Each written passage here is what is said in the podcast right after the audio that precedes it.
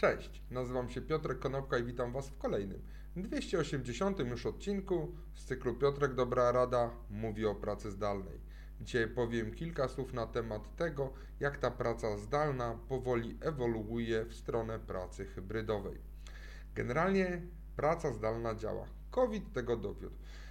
Zgodnie z badaniem firmy Accenture w ostatnim raporcie na temat pracy zdalnej pojawia się informacja, że 83% pracowników przebadanych spośród 10 tysięcy e, osób, które zostało objętych badaniem Accenture, woli model hybrydowy, gdzie przynajmniej 25% pracy będzie pracą zdalną.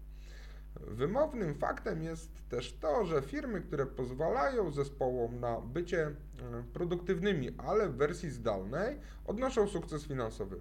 Co to znaczy? 63% firm, które e, bardzo szybko rosną pod względem dochodów, wdrożyło różnego rodzaju modele pracy zdalnej bądź hybrydowej. A po drugim, e, na drugim końcu skali jest 69% firm, które albo nie mają wzrostu, albo odnotowują spadki, to te firmy najczęściej trzymają się stacjonarnego modelu pracy. Badanie firmy Accenture stwierdza, że praca zdalna w pełnym wymiarze nie jest dobra na wczesnych etapach kariery zawodowej. Ja nie do końca zgadzam się z tym stwierdzeniem, ale równocześnie raport udowadnia, że praca hybrydowa działa w każdym przedziale wieku. Czyli tak, 74% osób z generacji Z, przypomnę, to są postmilenialci, chciałoby więcej możliwości pracy twarzą w twarz. Dwie trzecie z generacji X, czyli z tych osób, które urodziły się w latach między 66 a 80, też chciałoby więcej pracować stacjonarnie i 68% ludzi z powojennego wyżu demograficznego również chciałoby pracować więcej stacjonarnie. Jeżeli chodzi o to, jak wypowiadają się poszczególni liderzy, którzy dokonali już zmiany takiego przejścia z pracy stacjonarnej na pracę hybrydową, to y, większość z tych osób mówi, że ważne jest wsparcie z, płynące z wewnątrz, z firmy. Edward Wagoner, jest to CIO w firmie JLL Technologies, mówi tak: Pandemia zmieniła podstawy prowadzenia biznesu i wykazała, że bardzo ważna jest elastyczność miejsca pracy. Modele hybrydowe będą miały oczywiście coraz większe znaczenie w tej najbliższej przyszłości, bo jednak ludzie stęsknieni są tej pracy stacjonarnej, ale firmy po prostu nauczą się tej elastyczności pracy zdalnej w praktyce i zaczną to stosować. Biuro nie będzie jedynym miejscem do pracy. Pandemia dowiodła, że oczywiście można pracować skądkolwiek, ale biuro będzie pozwalało, czy będzie umożliwiało ludziom, którzy za nim tęsknią, to będzie im umożliwiało współpracę, wspólne tworzenie nowych rzeczy, czyli wspieranie tego procesu kreatywnego i twórczego, będzie umożliwiało interakcje ludzkie, no i oczywiście budowanie kultury organizacyjnej. Natomiast te nowe sposoby działania, które zostały sprawdzone w trakcie pandemii, będą tworzyły nowe miejsca czy nowe sposoby pracy w latach 20. XXI wieku. I jakie to są rzeczy, o których warto pamiętać?